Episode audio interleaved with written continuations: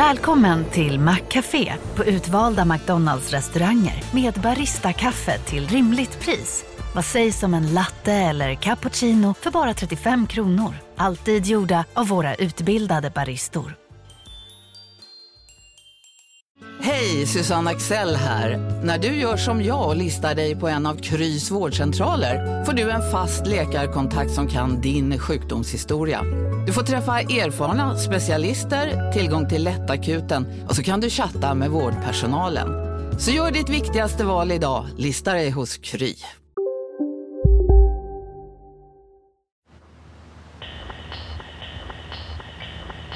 Från Monopol Media, det här är Kapitalet. Jag heter Gunnar Harjus.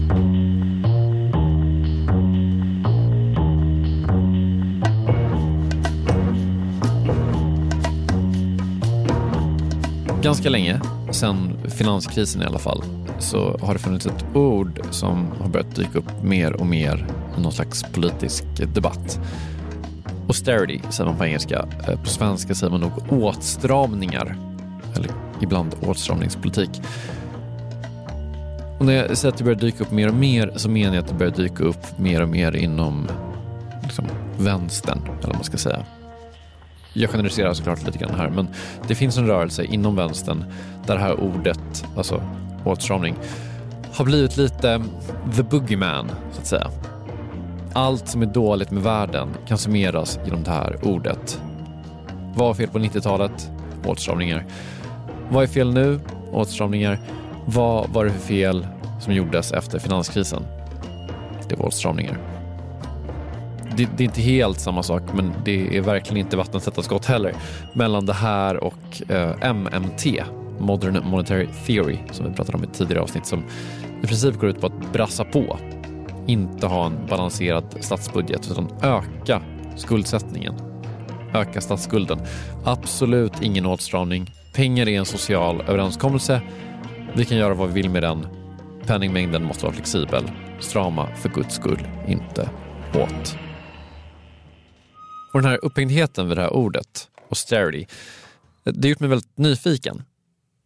Alltså, det är väl klart att jag har någon slags vag uppfattning om vad jag tänker att ordet åtstramning egentligen betyder. Mindre pengar till någonting, typ. Men Uppenbarligen så har det funnits någon slags teoribildning kring det här ordet. Eller en teoribildning där det här ordet är centralt i alla fall. Så därför har jag den här veckan intervjuat Clara Mattei. Hon är en italiensk historiker verksam som associate professor vid The New School i New York City. Hon har skrivit en bok som heter Kapitalets ordning. Den här boken den ska då inte bara förklara det här begreppet och varför det har blivit så centralt inom vänstern. Utan också bredda det och sätta in det i något slags historiskt sammanhang. Och alltså, det är, inte, det är inte en varning, men som ni kommer märka så är Clara Mattei väldigt vänster. Hon är en del av den här rörelsen. Hon tycker väldigt illa om åtstramning. Och nej, det kommer inte komma liksom några andra perspektiv i den här intervjun eller under det här avsnittet, utan ja, ni fattar. De perspektiven som är mot åtstramning är väl de som oftast hörs i den här podden får man väl säga. Hur som helst, Clara Mattias bok den har vunnit Adams Baxter-priset som The American Historical Association delar ut. Och när Financial Times listade sina tio bästa böcker 2022 så var hennes bok med på den listan. Men okej, från början då. Austerity, åtstramning. Vad är det för någonting? Um, the definition I give in the capital order of austerity is a definition that is different from the mainstream because I do think there is an urge to rethink the logic and the nature of austerity to make it more political. Austerity is more than just the usual definition, which is about budget cuts and tax increases. This definition that looks at the aggregate tells us very little about who wins and who loses when austerity is put into operation. So austerity, I think, can be much better understood if we think about it as first of all, a trinity of policies that we can say fiscal, monetary, and industrial. Okej, okay, så fiscal austerity, som man kanske kan översätta till typ finanspolitiska åtstramningar, Det är alltså nedskärning i de klassiska skola, vård och omsorg. Det är nedskärningar i bostadsbyggande, den typen av saker. Det är den ena delen av det här. Den andra delen går enligt Clara Mattei ut på att flytta pengar från personer som arbetar till personer som lever på kapital eller kapitalavkastning. Så att skattesänkningar för höginkomsttagare och skattehöjningar för låginkomsttagare. We see that consumption taxes go up in most countries, uh, while, for example, inheritance tax, capital gains taxes, corporate taxes, all the taxes that should hit accumulated wealth are instead structurally diminished. So, this again, you see is a shift of resources away from us, away from the majority of working people. Secondly, we have monetary austerity. Uh, monetary austerity is fundamentally um, can be understood primarily as increasing the interest rate, something that we've been familiar with because it's the policies that have been again implemented quite widespread around the globe in the last year and a half. Räntehöjningar kan vi se på flera olika sätt, men eh, Clara Mattei menar att man kan tänka på det som att det är liksom ett sätt att sänka hela ekonomin. Man höjer räntorna, då görs det mindre investeringar, folk förlorar sina jobb. Och Det här är ju liksom mer eller mindre typ en uttalad policy i inflationsbekämpningen. De flesta centralbanker pratar ju liksom om att man vill kyla ner ekonomin och sådär. Och när man kyler ner ekonomin så förändras ju då liksom hela dynamiken på arbetsmarknaden. If unemployment grows, this is not again something technical. It has an effect in disciplining us as workers because we are more vulnerable to getting substituted. This is the concept of the reserve army of labor that is so important to understand the functioning of the capitalist economy. So when un- unemployment goes up, we lose bargaining power and we are forced to accept worse conditions and lower wages in order to make a living. And this is monetary austerity. And finally, we see that this fiscal and monetary aspects are deeply connected with a third element of the Trinity that we can define as industrial austerity.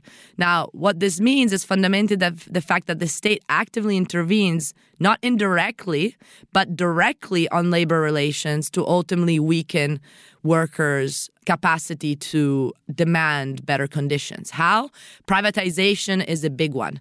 Um, the state sells off to private companies a lot of sectors, and this makes it such that public employees um, are thrown into the the competition and the of the impersonal market forces and thus have to, as economists put it, accept lower reservation wages. So we see that this austerity trinity operates very successfully once more in shifting resources away from the majority of the working people in favor of the saving investing classes, the minority of the population, um, while it boosts our market dependence.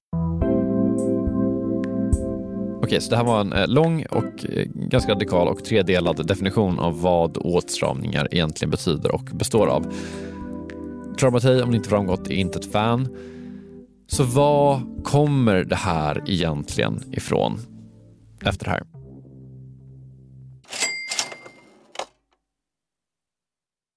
Kapitalet sponsras av SPP och Storebrand Asset Management.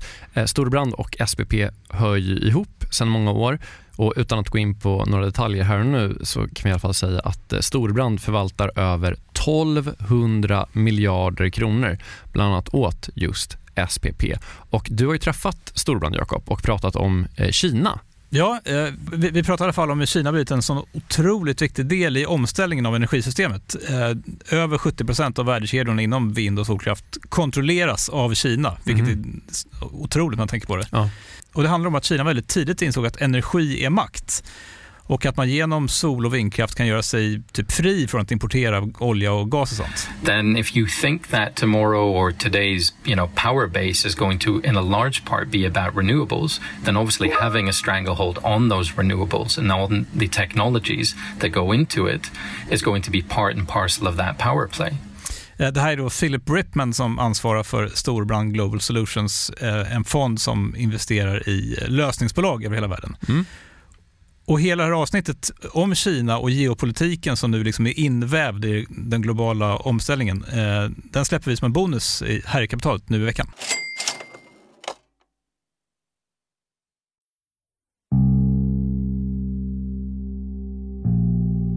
Clara Mattei har skrivit en bok som heter Kapitalets ordning. Den handlar om åtstramningspolitik. Hon menar att åtstramningar är tredelat. Det är penningpolitik, som höjer räntorna för att försvaga arbetsmarknaden så att arbetsgivare kan få någon slags övertag. Det är också finanspolitiska åtstramningar som omfördelar pengar från låg till höginkomsttagare genom att ta bort saker som kapitalskatter och höja skatten på arbete och på eh, konsumtion. Dessutom finns det det som Clara kallar för industriella åtstramningar som handlar om privatisering av tidigare offentliga sektorer. Och Det som Clara har gjort det är att försöka hitta rötterna till det här systemet som hon menar är ett bygge för att skydda det som man lite slängigt kan kalla för kapitalägare. Och när hon har trackat de här rötterna så har hon kommit till den period som vi eh, här i Kapitalet pratade om för någon vecka sedan bara. Mellankrigstiden. Som ju då, om minnet sviker, var en extremt ekonomiskt turbulent tid. Kramatej menar att man måste börja titta 1919 ungefär. So in 1919 was a very explosive year for our economic system because the system really underwent one of the greatest existential crises of this of the history of our system.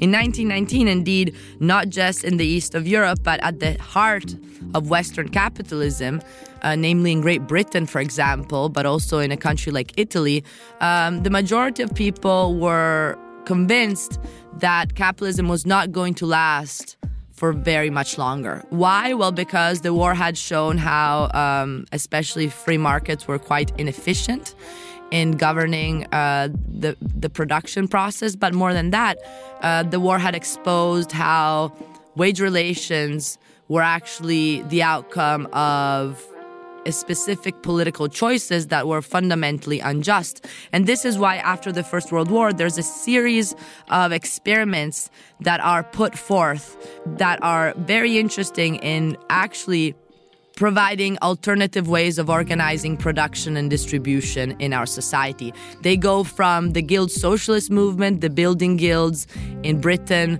to um, a very, very, very strong desire to increment the welfare state. And it was all about thinking about how workers could collectively collaborate to actually take gain back agency in the production distribution process. Så som Clara Mattei ser det så fanns det ett ögonblick där runt 1919, eller liksom i slutet av kriget, då många människor såg ett potentiellt slut på kapitalismen som system och inte bara då liksom i Sovjetunionen utan även i Storbritannien som då var liksom kapitalismens absoluta högborg. Hennes bok är liksom knökfull med arkivmaterial från den här tiden. Och hon menar att kriget spelade en extremt stor roll i att skapa den här situationen. För att det som hände då, det var att regeringar, som ju kan hända i krig, blev väldigt mycket mer aktiva. Och regeringarna märkte då att den här osynliga handeln, eller liksom, du vet, kapitalismen, ekonomin, den funkade inte riktigt i liksom en krigssituation. Det fanns liksom redare som ville sälja skepp till fienden. Så kan man inte riktigt ha det under krig. Så när regeringarna då eh, ingrep så visade de vad de kunde göra utan den osynliga handeln. Och folk fick perspektiv på de här sakerna. Historians have not focused enough on um, the great um, wealth of experiments that really can open up our imagination also as we're speaking today.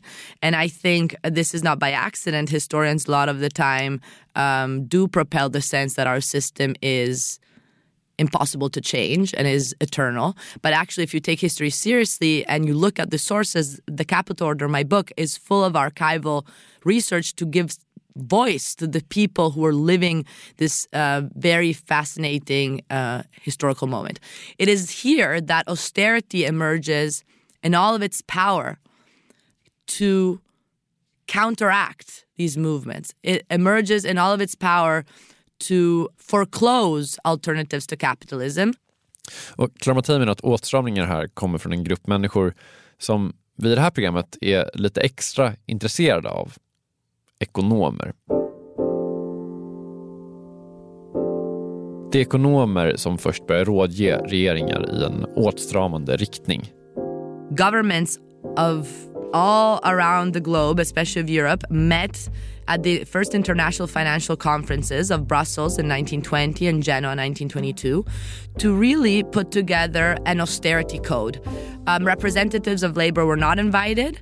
Who was invited instead were economic experts, uh, professors, academics of the most prestigious sort, and they were the representative of the emerging new paradigm, meaning the neoclassical framework, which is the same framework that still is what is being taught at school today and is in the minds of those who run our economic institutions.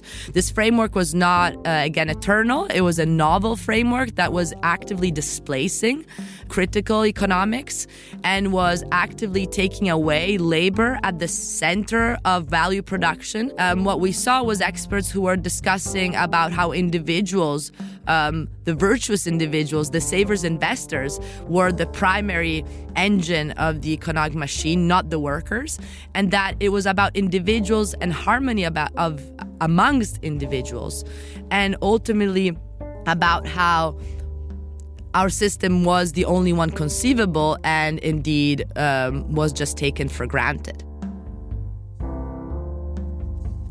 Den här konferensen i Genua 1922 har vi nämnt någon gång här innan när vi pratade om Keynes. Det fanns en annan konferens i Bryssel också ungefär den här tiden. Och man kan säga att några av liksom, vår tids största ekonomer, Keynes absolut, men också Pigou och Gustav Kassel, en så, svensk nyklassisk ekonom, eh, deltog. Och de här nyklassiska idéerna som Clara Mattei menar liksom fick genomslag här och tog över världen och har liksom styrt den hela vägen sedan dess. Alltså, nyklassisk ekonomi, det är kanske lite svårt att bara så summera i en mening men man kan väl i princip prata om det som typ en teori som handlar om utbud och efterfrågan. Man tittar på liksom så här, vad driver typ produktion, vad driver prissättning, vad driver konsumtion? Ja, den typen av så här, ja, men väldigt så klassiska så, ekonomiska teorier. Syftet med de här olika konferenserna det var att styra upp det ekonomiska läget i hela Europa. Det var liksom någon slags allmän ekonomisk kris som fanns då.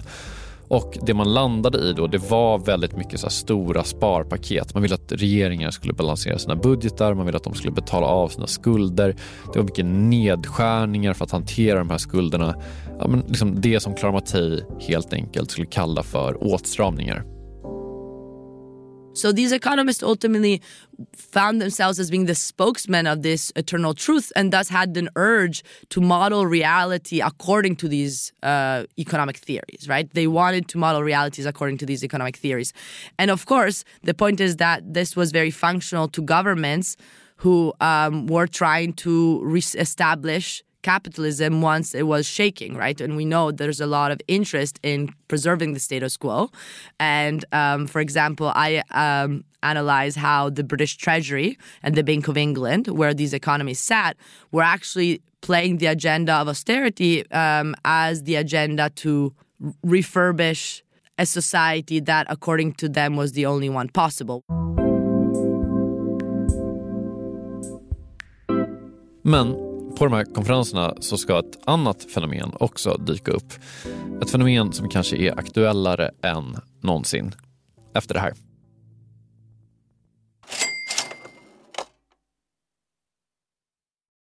Jakob, vi har ett samarbete med Pareto Business School och det här är jag rejält nyfiken på. För att eh, eh, så här, vi jobbar ju sida vid sida, bokstavligen, sitter bredvid varandra och då och då så håller du upp ett finger och säger nu måste du vara tyst, det är en timme, för nu ska jag eh, göra något Pareto. Exakt. Ja. Eh, jag gillar ju att lära mig nya saker, det, gör ju många journalister. Eh, så den här våren går jag då en åtta veckor lång så kallad mini-MBA. Eh, alltså jag hade gärna gått en riktig MBA också, men, men ja, jag har inte tiden det kräver och, och framförallt ingen arbetsgivare som vill betala 800 000 för att låta mig göra det. Nej, eller kanske du har. Du är ju arbetsgivare. ja, snål, snål arbetsgivare. Mm. Det är då Jens Bäckbom och Mattias Eklöf, två svenska entreprenörer som har skapat den här utbildningen just eftersom det finns ett gigantiskt hål mellan typ YouTube-filmer och en, en riktig MBA. Ja, och det här är då Pareto? Exakt, Pareto ja. MBA. Eh, Paretos utbildning kostar cirka 25 000 kronor och, och, under åtta veckor så lär man sig jättepraktiska och tillämpbara modeller för hur man startar, skalar upp, driver och säljer bolag. Eh, Jens och Mattias eh, de håller själva i många föreläsningar, de är garvade entreprenörer båda två. Mm. Och som man så olika gästföreläsare som kom in. Mm. Typ någon kille som, som eh, var expansionschef på Spotify, någon som körde marknadsföring på Revolut, eh, en kille som driver Sveriges största campingkedja, Mm. som har varit med i kapitalet faktiskt, Okej. Johan Sör. Ja. Ja, just det. Också har varit en helt otrolig svensk eh, entreprenör som byggt massor med grejer i Vietnam. Alltså makalösa berättelser. Ja, wow. Eh, Så den här kursen består av en blandning förinspelade moment och seminarier, men man går också i då så här kohorter tillsammans med andra deltagare från Sverige och utlandet. Jättenyttigt, eh, tidseffektivt och funkar jättebra för, för den som vill driva egen verksamhet som, som typ vi gör här. Eller om man typ driver projekt och affärer i större bolag. Wow. Om man är taggad på att eh, bli en del av den här, liksom, vad ska man säga, Jakob skolan om man vill bli som dig, lära sig lika mycket som, som du har lärt dig, vad, Ja. vad gör man då? Eh, Nästa kursstart är 5 april. Eh, Så vill man ta ett kliv framåt eh, i sin utveckling eller karriären eller så, eh, gå då till arbetsgivaren och kolla om du inte kan gå den här utbildningen. Eh, Priset ligger alltså på 2500 euro, men ni får 10% rabatt om ni anger Monopol Media som referens när ni eh, gör er anmälan. Mm. Eh, Man kan också gå in på paretoschool.com för att eh, läsa mer och ja, se lite smakprover från själva utbildningen. Då. Mm. Så att eh, man sparar jättemycket pengar i för att gå Handels MBA och man sparar ytterligare pengar om man tar del av eh, Monopol Media-erbjudandet. Ja, exakt. Ja, en no-brainer som vanligt, Plus att man blir ju eh, alumnkollega med mig då. verkligen. Så stort, stort tack till eh, Pareto Business School och eh, gå in på paretoschool.com.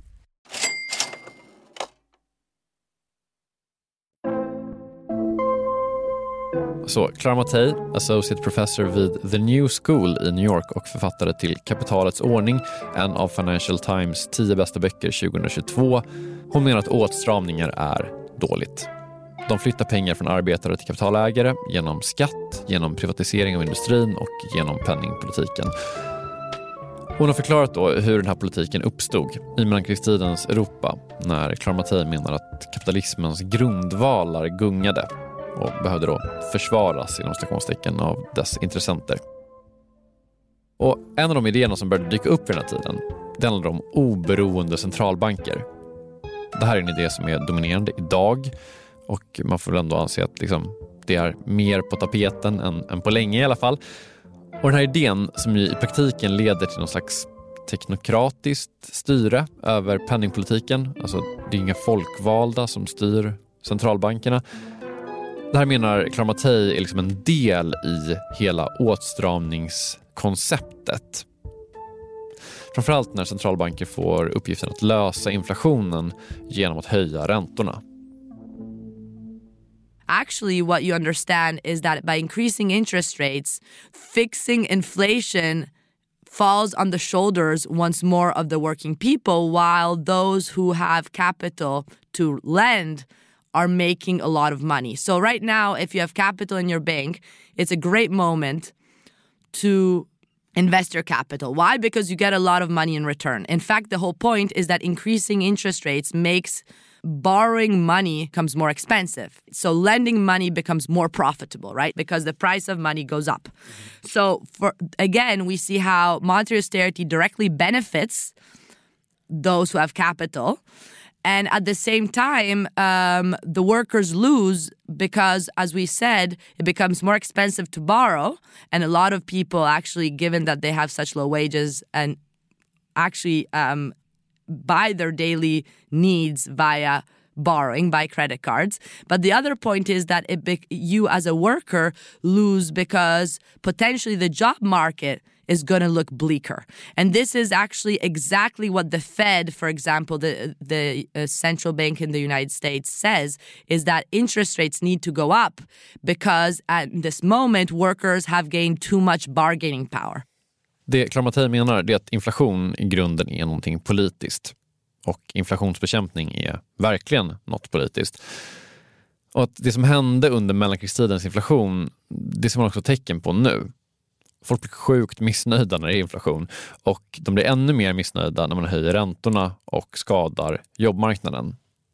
Och då är det bra att ha en oberoende centralbank. För saker som är oberoende är oberoende. Då har man liksom avpolitiserat hela den där frågan.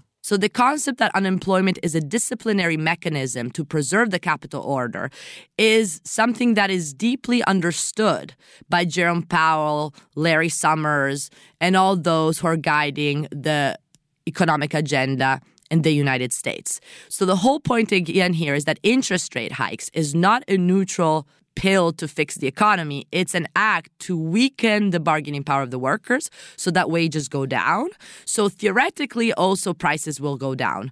Now, the point here is that doesn't really matter what the source of inflation is. What matters is to avoid people from mobilizing. The United States right now is in a very, very heated historical moment because strikes are happening everywhere. Workers are winning enormous gains. Thus, central banks intervene actively in the economy to restabilize these class relations in favor of the employers.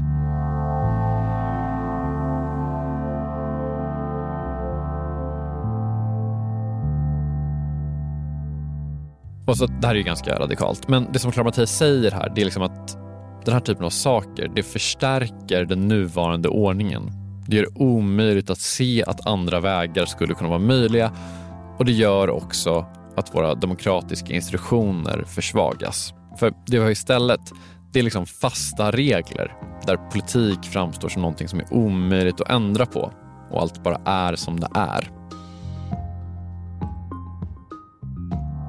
The reason why independent central banks can increase interest rates is because they are free from democratic control. They're not liable to any political intrusion. In fact, the ECB is one of the most independent central banks in the world. And in the constitution, it clearly states that no political party or any political institution can ever influence or in a way have a say in their decisions.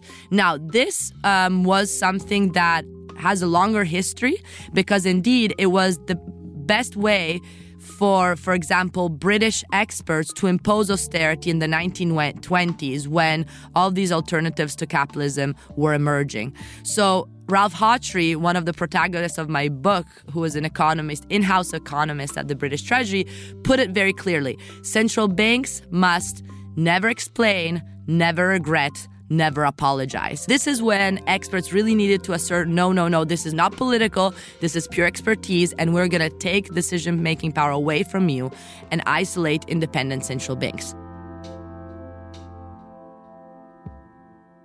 It's a technical necessity that we need to actually have a fiscal surplus.